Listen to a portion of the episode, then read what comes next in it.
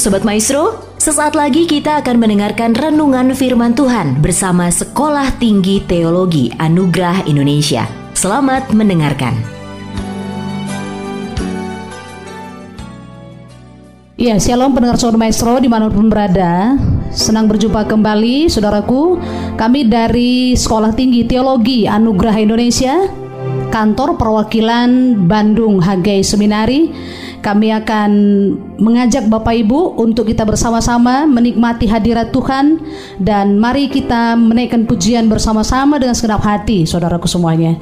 Saya percaya, kami percaya bahwa ketika kita menaikkan pujian, hadirat Tuhan memenuhi di mana pun pendengar Sobat Maestro berada. Puji Tuhan, puji Tuhan. Hmm.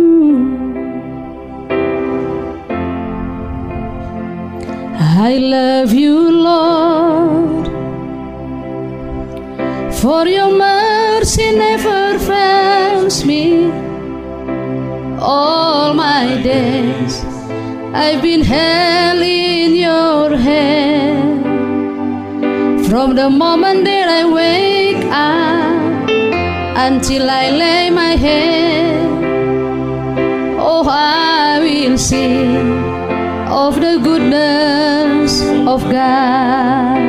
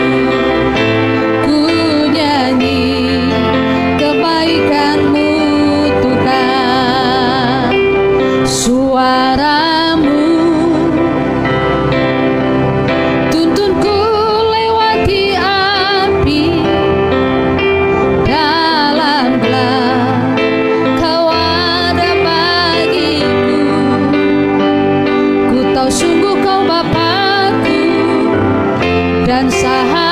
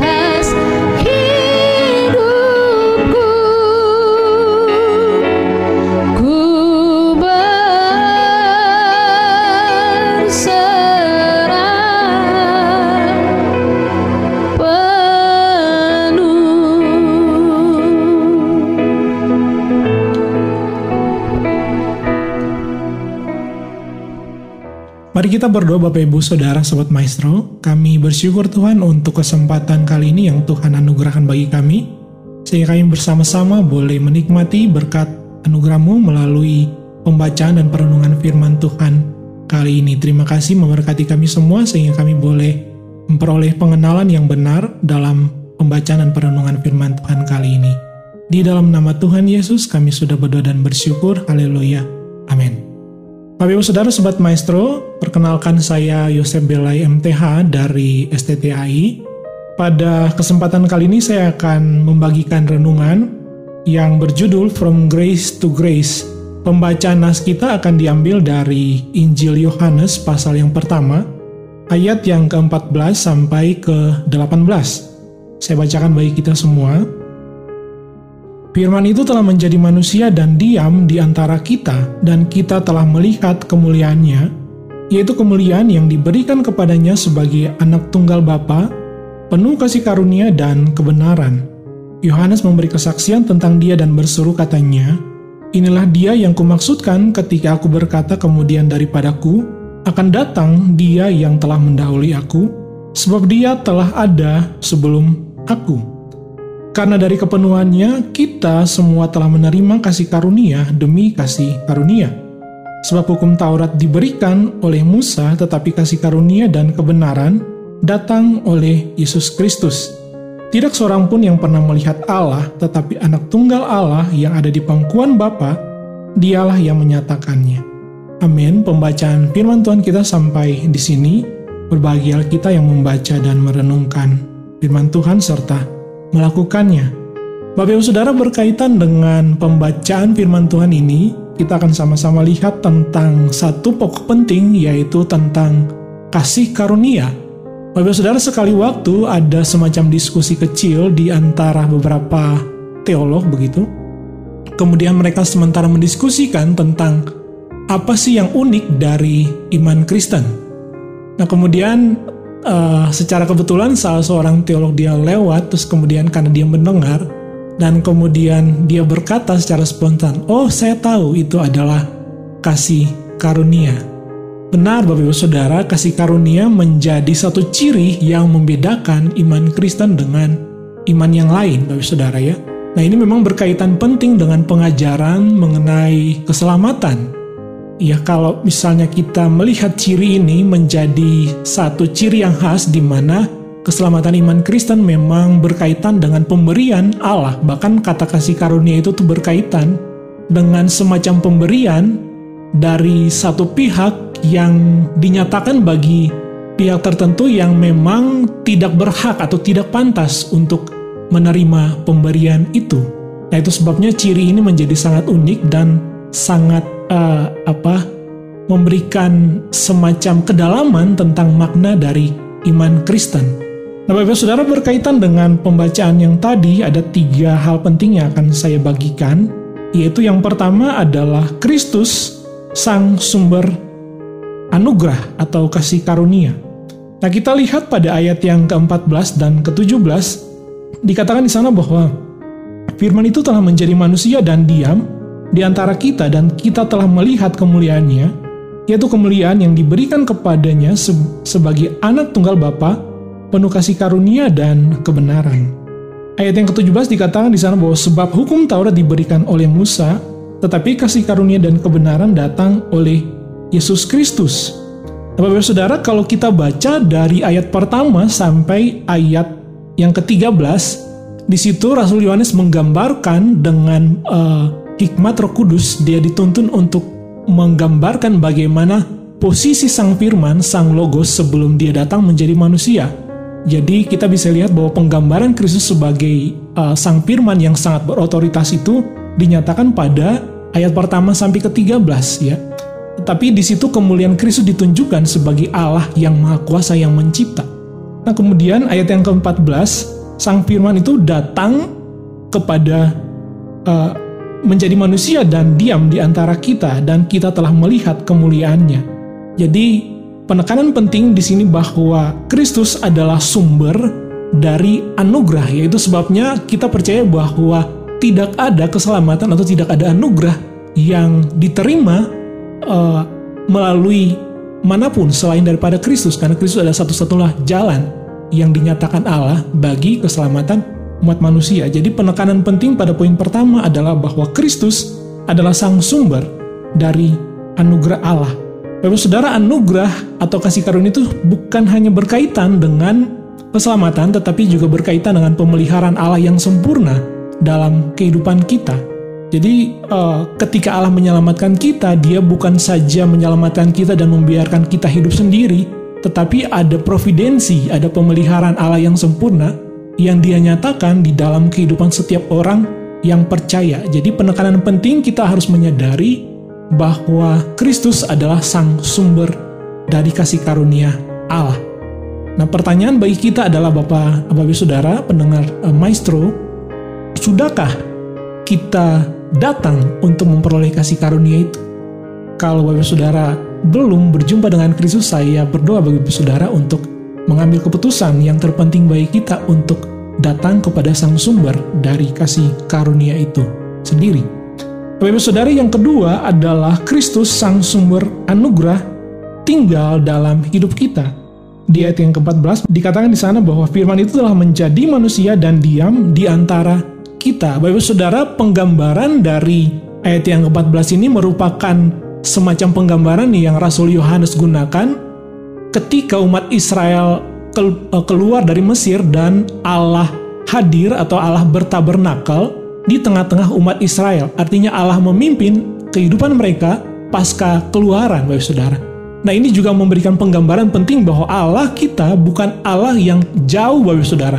Ada sering kali orang membedakan antara Allah yang terlalu jauh sehingga kita sulit menjumpai Allah begitu ya seolah-olah uh, dia di tempat yang kudus dan yang jauh sekali dan kita adalah manusia yang berdosa yang sangat terbatas dan jauh dari uh, dia. Tetapi kita bisa melihat di sini bahwa penekanan daripada Kristus yang adalah sang pencipta pada ayat pertama yang sampai 13 kini justru menghampiri kita. Ini sebuah penggambaran yang sama dengan ketika manusia jatuh dalam kitab kejadian pasal 3. Allah mencari manusia yang hilang. Nah, Kristus bukan saja mencari, Bapak, Bapak Saudara pendengar maestro, bahkan dia juga hadir dan dia mau tinggal dalam kehidupan kita. Jadi kita bisa melihat bahwa yang pertama, Kristus adalah sumber kasih karunia, tetapi yang kedua, Kristus yang sumber kasih karunia itu kini datang dan mau tinggal dalam kehidupan kita. Maka pertanyaan penting bagi kita adalah Bapak, Bapak Saudara pendengar Maestro, bersediakah Bapak Saudara untuk membuka hati untuk menerima Kristus dan tinggal dalam kehidupan kita? Kemudian yang ketiga Bapak Saudara, yang terakhir adalah hidup dalam Kristus adalah hidup dalam anugerah Allah. Ayat yang ke-16 dikatakan di sana bahwa karena dari kepenuhannya kita semua telah menerima kasih karunia demi kasih karunia. Bapak Saudara, penekanan penting yang perlu kita garis bawahi ada dua kata penting di situ yaitu karena dari kepenuhannya, karena dari kepenuhan Kristus. Jadi bukan karena siapa kita, bukan karena apa yang kita lakukan. Bapak Saudara mungkin selama ini sudah menjadi para pengerja di gereja, sudah menyumbang, atau mungkin sudah banyak berbuat segala sesuatu yang uh, untuk kemajuan pekerjaan Tuhan, katakanlah begitu Bapak Saudara. Tapi ketika berkaitan dengan kasih karunia, berkaitan dengan karya Allah dalam menyelamatkan manusia, Bapak Saudara setiap hal yang kita lakukan tidak bisa diperhitungkan sebagai uh, harga yang kita bayar untuk keselamatan kita tidak, Bapak Saudara. Penekanan penting di sini adalah karena kepenuhan Kristus. Sekali lagi, karena kepenuhan Kristus. Kemudian karena kepenuhannya, karena apa yang sudah Kristus lakukan, ya salah seorang teolog dia mengatakan bahwa sebenarnya iman Kristen itu iman yang juga berkaitan dengan keselamatan melalui perbuatan. Tetapi bukan perbuatan kita. Perbuatan Kristuslah yang diperhitungkan untuk keselamatan kita.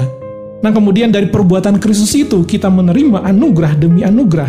Ya, dikatakan di sana bahwa kita semua telah menerima. Kalau kita sudah men telah menerima, berarti tidak ada yang uh, tidak memperoleh kasih karunia, anugerah. Nah, di awal tadi sudah saya katakan bahwa kasih karunia itu bukan saja berkaitan dengan keselamatan kita, berkaitan dengan kekekalan kita nanti, tetapi juga berkaitan dengan satu paket yang Allah sediakan, yang Allah nyatakan, uh, karunia-karunia rohani yang memampukan kita untuk menyelesaikan panggilan kita, panggilan iman kita setiap hari. Itu sebabnya Bapak Saudara, saya mendorong Bapak Saudara untuk menyadari bahwa setiap pergumulan, setiap perjalanan kehidupan kita, kita tidak sendiri. Ada Kristus yang menyertai kita, dan Bapak Saudara, karena kita sudah menerima kasih karunia itu, maka saya juga mendorong kita semua untuk terlibat aktif di dalam pelayanan kita dan lebih sungguh-sungguh lagi, lebih bergairah karena kita tahu bahwa kasih karunia Allah itu terus-menerus menyertai kita mulai saat ini sampai pada akhir perjalanan kehidupan kita nanti. Yang ini menjadi pokok renungan kita pada kali ini kiranya menjadi kekuatan bagi kita dan kiranya menjadi satu penyemangat untuk kita bisa mengucap syukur dan juga terus melayani dan mengasihi Tuhan dalam segala hal yang Tuhan percayakan dalam kehidupan kita. Mari kita tundukkan kepala kita berdoa. Bapa kami bersyukur buat perenungan firman Tuhan kali ini Tuhan nyatakan bagi kami bahwa Engkau adalah sumber kasih karunia yang bahkan sudah menyelamatkan bahkan lebih engkau memperlengkapi kami untuk menjalani panggilan kami dalam kehidupan kami dan menyelesaikan kehidupan kami dengan baik sesuai dengan apa yang Tuhan kehendaki. Memberkati Sobat Maestro, pendengar yang sudah uh, mendengar pemberitaan firman ini Tuhan, kiranya juga Tuhan memberkati setiap pekerjaan, setiap uh, usaha dan pelayanan mereka, di mana pun mereka berada, sehingga kami terus-menerus berbuah berkarya bagi kemuliaan Tuhan di dalam anugerah-Mu.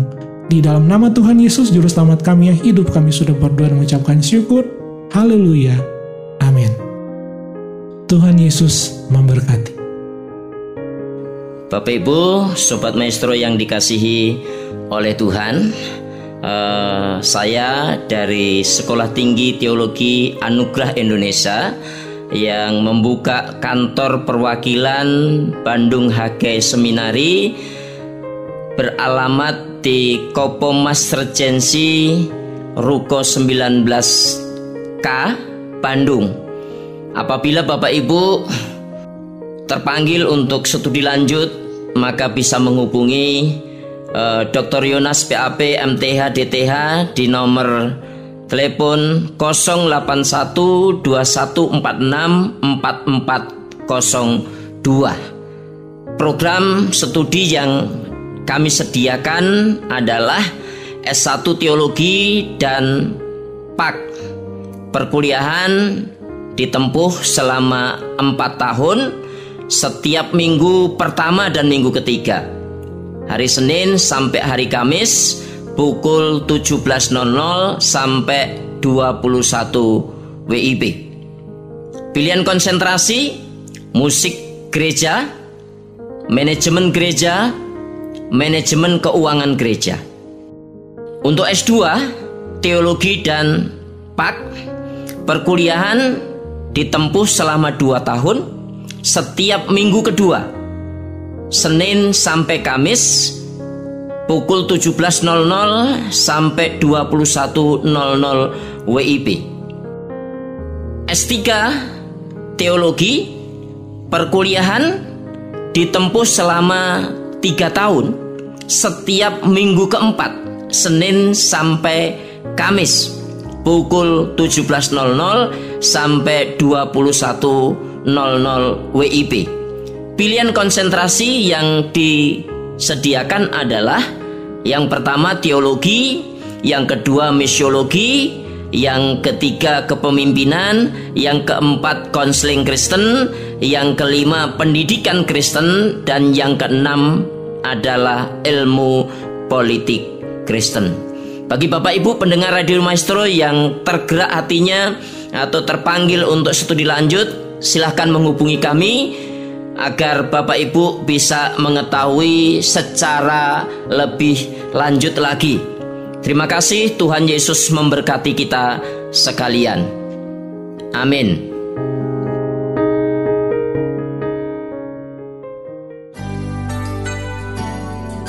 Sobat Maestro, kita baru saja mendengarkan renungan firman Tuhan bersama Sekolah Tinggi Teologi Anugerah Indonesia. Terima kasih atas kebersamaan Anda. Tuhan Yesus memberkati.